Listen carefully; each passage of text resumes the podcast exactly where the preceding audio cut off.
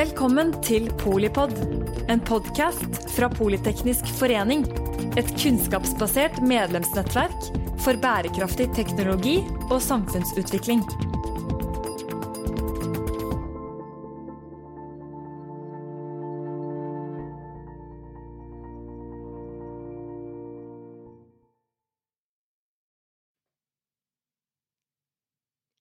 Velkommen til eh, denne spennende episoden av eh, Polipod, eh, der vi skal lære mer om hvordan de norske CO2-lagerressursene forvaltes.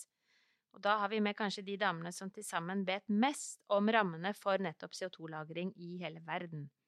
Det er Eva Halland, geolog og prosjektdirektør i Oljedirektoratet. Og det er Liv Monica Stubholt, partner i advokatfirmaet Selmer, styreleder i Fortum Oslo Varme og styremedlem i Aker Carbon Capture. Eh, jeg sier at eh, dere vet mest om, eh, om dette, og fortell oss sånn aller først, hvorfor kommer dette til å bli noe av, Eva? Eh, hvorfor det blir noe av? For det er man er faktisk nødt til å få det til. Eh, dersom man skal nå noen av de klimamålene som er satt, så er det ikke mulig å komme utenom fangst og lagring av CO2. Det er en teknologi som eh, kan bidra til å redusere CO2-utslippene i atmosfæren på en effektiv måte. Det er en teknologi som vi har, som fins i dag, som vi kjenner til, og vi kan lagre det i områder som eh, vi kjenner godt til. Og vi har en track record. Ja. Vi har du en track har eh, record. Ja.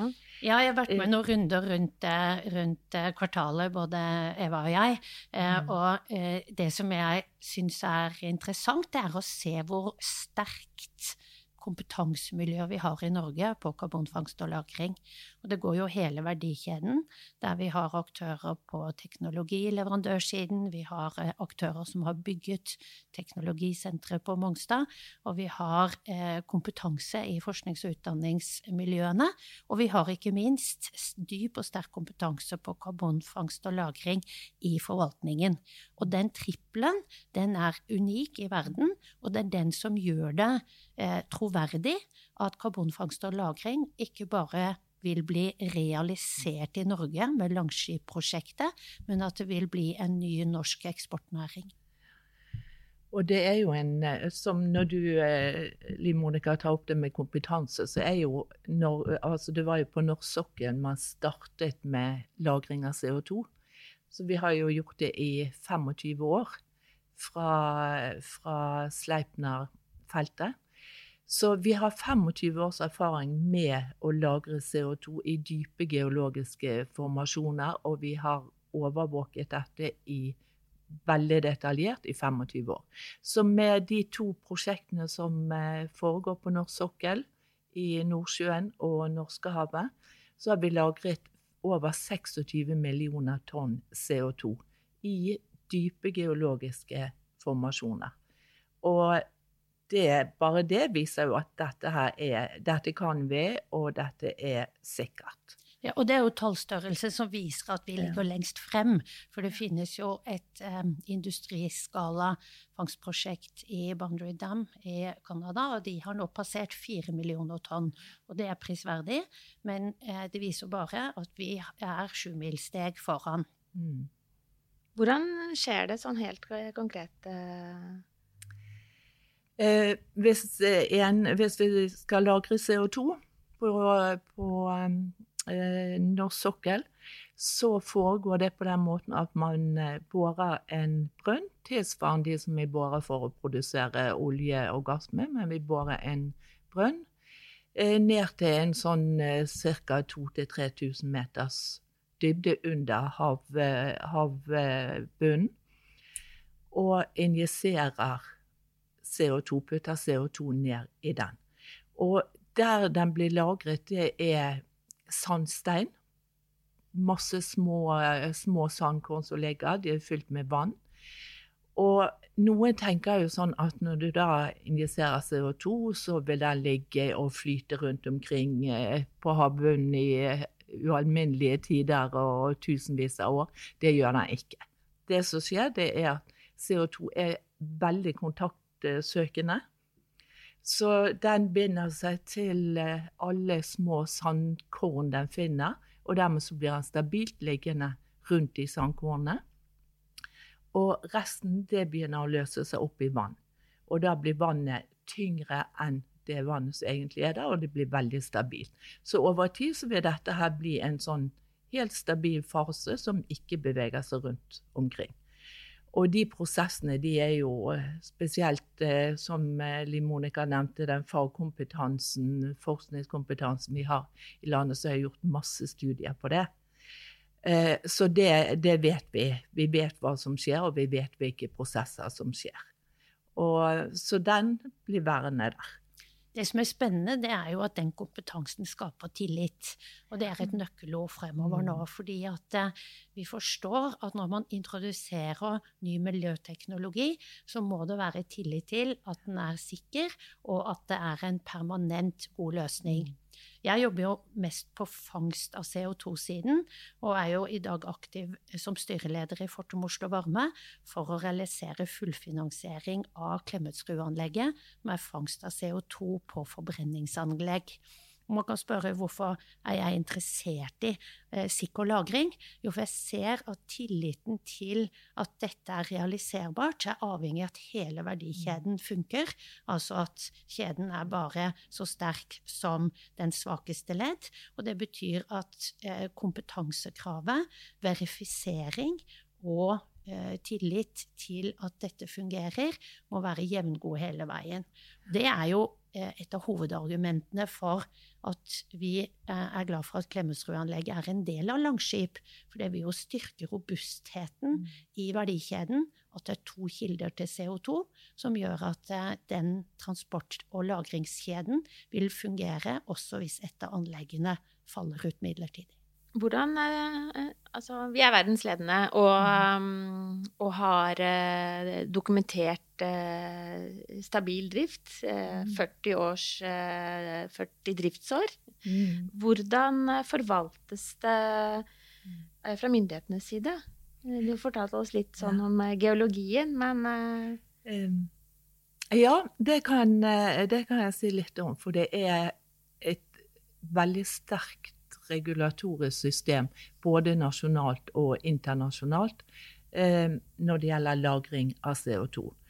Eh, og det som er hovedfokus i det regulatoriske systemet og regelverket, det er sikker lagring. Dette her Skal vi lagre CO2, så skal det være sikkert. Det skal ikke lekke opp igjen eller gå andre steder enn man har planlagt at det skal være. Og det som gjøres eh, fra norsk side det, i det norske regelverket, det er jo det at vi stiller ganske strenge krav til de som skal få en oppgave med å lagre CO2, de som er operatører. Så vi stiller strenge krav til de aktørene som skal jobbe med dette, til kompetansen de har, til eh, erfaringen de har. Så det er Man kan ikke bare komme oss og si det at vi vil lagre CO2. Det blir veldig etterprøvd, den kompetansen kompetanse og erfaringen. Og så er det et eh, regelverk som gjør at eh, vi fra myndighetenes side da gjør en veldig detaljert gjennomgang av området som det skal lagres CO2 på. Og vi jo, har jo nylig lyst ut to nye områder for lagring av CO2. Fristen for å søke på de gikk ut i går. Så det kan vi bare si at interessen er ganske stor. Og det viser jo at dette her begynner å bevege på seg. Man begynner å få i gang en eh, Kanskje en forretningsmulighet som, eh, som er det vi snakker om. Så den, eh, den har vært utrolig imponerende når vi så hva som kom inn i går. Vi ser Spesielt etter Fortell oss litt da om uh, interessen. Ja, jeg kan bare si at interessen var stor. Det var flere, flere, aktører som kom på banen, og veldig dyktige faglige aktører. Men mer enn det kan jeg nok ikke si i denne omgang. Det er veldig omgang. interessant det du forteller, fordi det illustrerer et poeng som jeg syns lett kommer eh, bort. Eh, og det er at vi er inne i en veldig viktig fase i Norge for å bygge flere nye norske grønne næringer. Det er batteri, det er offshore vind, det er hydrogen eh, og karbonfangst og -lagring. Realiteten er at karbonfangst og -lagring er det mest modne av de fire. Mm. Og det blir litt eh, underkommunisert av og til. Vi har holdt på med dette i mange tiår. Og den mest eh, utprøvde fangstmetoden ved bruk av en kjemisk væske, en aminoppløsning, til å fange CO2-en fra røykgassen, den har mer enn 40 års fartstid, og er utprøvd og anerkjent.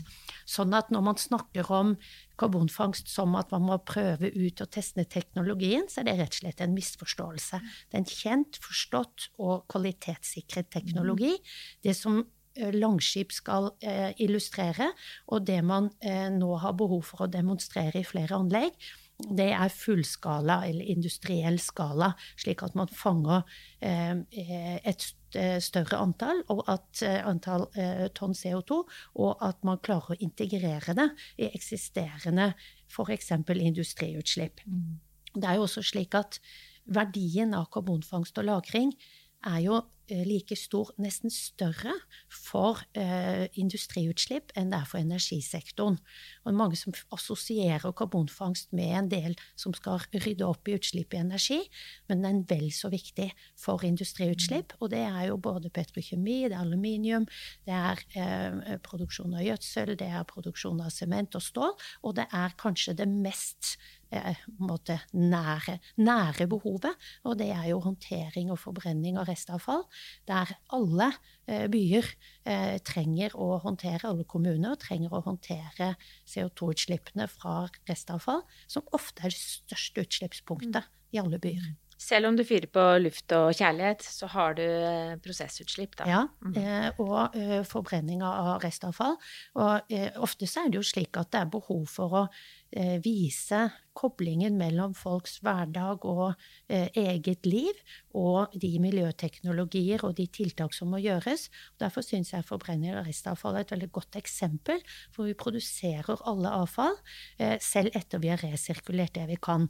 Og det må håndteres når det gjelder CO2-utslipp, fordi ellers så vil vi ikke nå Parisavtalens mål.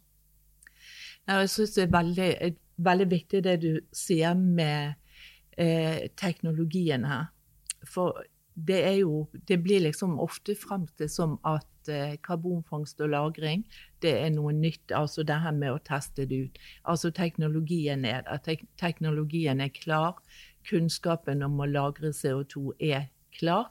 Og så tror jeg noe av grunnen til at dette har blitt hengende litt, og litt sånn annen Eh, litt feil oppfatning at dette er noe man skal holde på med for eh, energiproduksjonen. Altså knyttet til kull, til olje, gass. Eh, og så man, har man ikke kommunisert den industribiten av det, altså prosessindustrien, hvor du da må, og også avfallsindustrien, som er jo for så vidt er energi. Og karbonfangst og -lagring er jo det eneste alternativet når det ja, gjelder disse punktutslippene. Ja. Og bare som stål- sementindustrien, så er jo det kun én måte å eh, bli kvitt den CO2-en på og få, få redusert den. Det er karbonfangst og -lagring. Og det glemmer folk litt, så det tror jeg vi må være ja. Ja, vi skal være ærlige. Det er ikke sikkert uh, vi som er opptatt av dette har vært flinke nok til å kommunisere Nei. det. Og et og eksempel er jo teknologisenteret på Mongstad, ja. hvor vi mm. har verdens beste, flotteste, største, mest avanserte testsite for uh, utprøving av teknologi og metodikk på karbonfangst. Det er veldig interessant at det var jo et prosjekt staten finansierte, litt i skyggen av fullskala Mongstad-prosjektet som ble avlyst. Så har da suksessen for testsenteret eh, blitt underkommunisert eh, og dårlig forstått. Mm. Eh, og det var jo en, en, et ganske modig trekk som ble gjort av staten da, fordi man visste jo ikke om det var interesse for å bruke denne testmuligheten i stor skala. Eh, og det har jo vist seg at det har vært rett og slett en dundrende suksess. Eh, for det første er det jo bygget av eh, norsk offshorekompetanse. Daværende Kværner, nå Aker Solutions, verftskompetanse, offshorekompetanse, fikk på plass det som fortsatt er det største testanlegget for karbonfangst. Og dernest ved at interessen for å bruke dette fra aktører verden over har vært 100% og jeg tror ikke anlegget har stått ledig i noe tid etter det kom opp å stå. Nei, så den, eh, den eh, erfaringen og kunnskapen vi kan bidra med på, med Mongstad-fangstanlegget, eh, den sammen med den erfaringen vi har med lagring av CO2, den ser jeg også fra kollegaer i andre deler av verden er utrolig viktig. Eh, det, og jeg tror den biten som Norge har vært veldig god på, det er å dele kunnskap. Dele eh, den informasjonen vi har, altså bare det som foregår på av lagring eh, på norsk sokkel i dag fra Sleipner. Dataene der blir jo delt med forskningsmiljøer rundt alle steder. det er ikke mange som forsker på CO2-lagring i verden som ikke har, har brukt de datasettene der. Så, de jo, så, det er en sånn viktig bit som eh, vi kanskje heller ikke tenker så mye over, altså, men som eh, betyr mye for videre utvikling av eh, karbonfangst og -lagring. Men gir de fra oss altså. konkurransefortrinnene på den måten? Ja, det er et konkurransefortrinn, du har så rett. Og det som er viktig, syns jeg, også for og relevant for den politiske diskusjonen, det er å gjøre valg som vil styrke norske leverandører, norske arbeidsplasser, og videreutvikle konkurransefortrinnet mm. som den sterke kompetansebasen vi har i Norge, gir oss. Mm. Og vi har fortsatt muligheten til å få det til å fungere. Og jeg mener jo at Langskipsprosjektet, eh, som eh, er dimensjonert for europeisk format, eh, som er eh, laget for at det skal komme CO2-leveranser som eh, skal bidra til å håndtere andre lands utslipp, ikke bare norsk, norske utslipp, gjør oss relevante. Og her må vi ta valg som eh, opprettholder det konkurransefortrinnet. Da må Langskip robustgjøres med to eh, fangstanlegg. Da må vi fortsette å samarbeide samarbeide med Europa europeiske institusjoner og medlemsland mm, mm. for å eh, åpent, transparent eh, dele erfaringene mm. på lagring. Eh, være tilgjengelig for eh, å vise hvilke erfaringer vi gjør på fangstprosjektet. Både internt i Norge med andre kommuner som trenger å håndtere sine utslipp fra restavfallforbrenning, og i forhold til prosessindustri i andre land som kan bruke dette. Og EU har jo bekreftet interessen for dette ved tildeling fra første runde EUs innovasjonsfond til flere karbonfangstprosjekter, herunder prosjekter som har eh, sagt de vil lagre CO2-en på mm. norsk sokkel. Så den invitten det norske kompetansemiljøet og Langskip-prosjektet innebærer, den har EU egentlig allerede respondert på. Mm. Eh, I tråd med et langt samarbeid mellom Norge og EU om CCS, som godt kan bli enda sterkere. Og jeg tenker at det vil være veldig nyttig at Norge virkelig eh, ranket seg og sa til EU vi ønsker å være deres fag- og eh, politisk samarbeidspartner på karbonfangst, eh, og inviterer til et enda tettere samarbeid på denne teknologien. Og da tenker du også på myndighetsnivå og, og rett og slett i de ja, og jeg, jeg kan, eh, vil gjerne si litt på, fra myndighetssiden. Mm -hmm og politisk side at de beslutningene som, eh, som eh, våre politikere har gjort, både når det gjelder Langskip, når det gjelder regelverk, når det gjaldt eh, det med å få oversikt over lagringsmuligheter, den skal man ikke kimse over. Den har utrolig stor betydning. Og i 2014 så publiserte vi det første CO2-lagringsatlas CO2 for hele norsk sokkel. Så eh, jeg var prosjektleder for det og hadde full støtte fra både departement og politisk ledelse. Liksom lag, vi vil ha oversikt over hvor man kan lagre CO2, hvor stor kapasitet vi har, hvor mye vi kan lagre. Og det publiserte vi i slutten av 2014. Da kom også, I 2014 kom også regelverket på CO2-lagring. Så bare å ha de bitene på plass gjorde at vi så selskapet begynte å bevege seg litt. Og så stoppet det jo opp, da. Men eh, nå var det bare å trekke fram igjen. Og eh, når vi ser aktiviteten begynne å skje, og i det, den, eh, det øyeblikket man sa politikeren vår sa OK til Langskip, så begynte, så vi bare en enorm aktivitet med en gang. Altså, det var helt det, det var som dag og natt, altså. Der var det mange selskaper fra petroleumssiden, andre typer selskaper, leverandører og alt, som kom på døren og lurte liksom både å finne sin bit i dette her, eh, leverandørbit i det, teknologibit i det, og liksom forretningsmuligheten i det. Eh, og liksom hvordan lage verdikjeder ut av det her. Så den, eh, det at politikere tør å ta sånne beslutninger, som det var selvfølgelig alltid mye diskusjoner rundt, men det har enorm betydning. Har stor betydning, og det må være lov å si at eh, myndighetene og staten har gjennom skiftende regjeringer eh, gjort veldig mye riktig på mm, karbonfangst og -lagring. Mm. Eh, det er lett å trekke fram kritikk av politikerne, men her er det grunn til å trekke fram både én og to og tre gullstjerner. Mm. hvis du tenker på den viktige teknologileverandøren, som jeg også har gleden av å jobbe med, Aker Carbon Capture, så er jo et av perspektivene der er jo at Climate har vært med å finansiere videreutvikling, spesielt spesielt av helse, miljø og sikkerhetsdimensjonen mm. av fangstteknologi. Og derved har altså statlige forskningsmidler eh, blitt brukt på en klok måte, både i forhold til teknologisenteret i Mongstad, i forhold til Aker Carbon Capture og andre virksomheter som har søkt om å få lov å få testet ut eh, forskjellige dimensjoner av eh, teknologi og løsninger, som da igjen robustgjør den norske næringen mm. for å gjøre dette fremover. Og så er det sånn at kravene til oss i næringslivet og til myndighetene øker jo hele tiden. Så det betyr at det som var flott for ti år siden, er ikke nok nå. Eh, så Rosen kommer jo med en oppfordring til å eh, spenne musklene enda mer. Mm.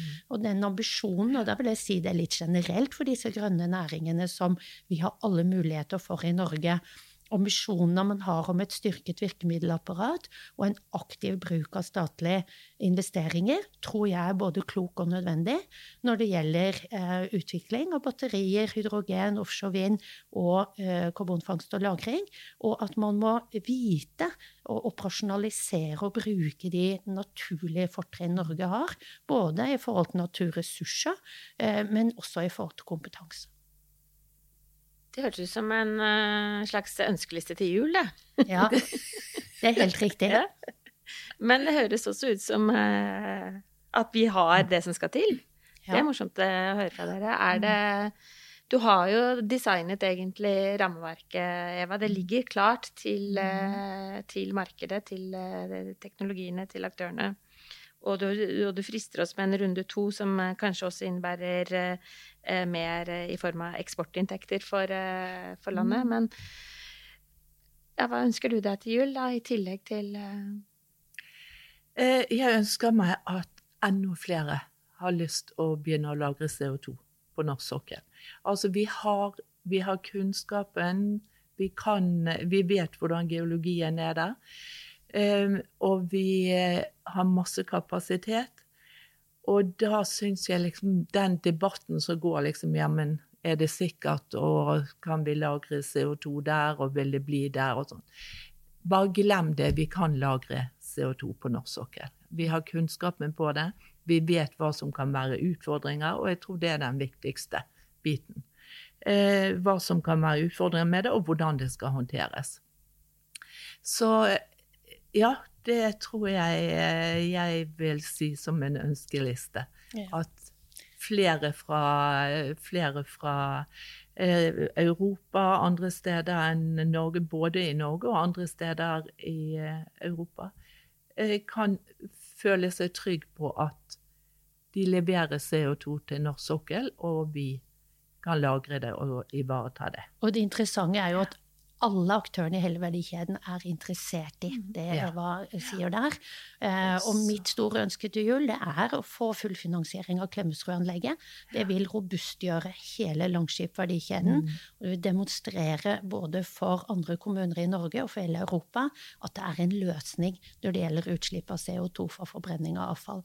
Eh, og det eh, vil være en gevinstrealisering mm. som vil da legitimere midlene som er brukt fra staten staten og kvalitetssikringen som er gjort av Gassnova mm. gjennom lang tid, eh, og vil være en helt fantastisk eh, verdikjede å gå i, eh, i det internasjonale markedet med. Og så har jeg ett ønske til, og det er Altså, jeg håper at jeg, vi slipper å høre de spørsmålene og tankene rundt er det sikkert å lagre CO2 kan man gjøre det sikkert. Ja, Vi kan godt høre spørsmålene, Eva, ja, for vi har jo svarene. Og svaret er ja. Og, um, for det, det, tror jeg vi eh, kan jeg si med stor sikkerhet at ja, det kan vi gjøre. Vi kan, eh, På norsk sokkel så kan vi det. Vi har så stor kapasitet. Så vi håper liksom de som går rundt og er bekymret for at dette her vil lekke ut igjen, eller man ikke får det til. Jo, bare slapp av. Dette kan vi. Vi kan, eh, vi vil, og vi eh, får det til. Og vi får det til, og vi har jo et mm. kompetansemiljø i Norge som ikke bare kan levere i alle deler av verdikjeden, men som også kan levere uavhengig verifisering av det Norge sier. Så der er jo eh, mm. kunnskapsmiljøet på Norskjær internasjonalt anerkjent, og det fins andre aktører innenfor norsk seismologisk kompetanse som bidrar i dag mm. overfor staten og overfor operatørene. Så det er innmari morsomt å se at vi har egentlig en eh, sterk konkurransefortrinn på alle områdene i verdikjedene for karbonfangst. Og det hele er eh, modent og egentlig klar til eh, ja. oppskalering. Så, ja. ja. så det ser eh, Teknologien er der kapasiteten er der, og kunnskapen. Og viljen til å lykkes. Mm. Må ikke og, undervurdere den. Nei. Og det er noe av mm. poenget med å komme i gang fort, og ikke eh, nøle nå. Det er at nå, er, nå, står, nå står, det og trykker på en, eh, både en begeistring og en vilje til å gjennomføre og lykkes. Eh, den må vi dra nytte av for å kunne opprettholde det forspranget vi har. Mm. Og det mangler jo ikke ideer og kreativitet. Altså når vi ser de, de som eh, kontakter oss da, så er det jo helt fantastisk å høre på de forretningsideene de ser for seg, de mulighetene de ser for seg. Så det er liksom Ja, som eh, du sier, Liv Monica, vi må rett og slett komme i gang. Just do it. Just do it. Ja. Tusen takk eh, til deg, Eva Halland, geolog og prosjektdirektør i Oljedirektoratet. Tusen takk til deg, Liv Monica Stubholt, eh, partner i advokatfirmaet Selmer, styreleder i eh, Fortum Oslo Varme og styremedlem i Aker Carbon Capture. Tusen takk til deg som uh, hører på Polipod når og hvor det passer deg. Mitt navn er Mette Vågnes Eriksen. Jeg er generalsekretær her i Politeknisk forening og sier på gjenhør. Takk for at du lyttet til Polipod fra Politeknisk forening. Få med deg flere episoder, eller bli med på nettverksmøtene som du finner på at polyteknisk.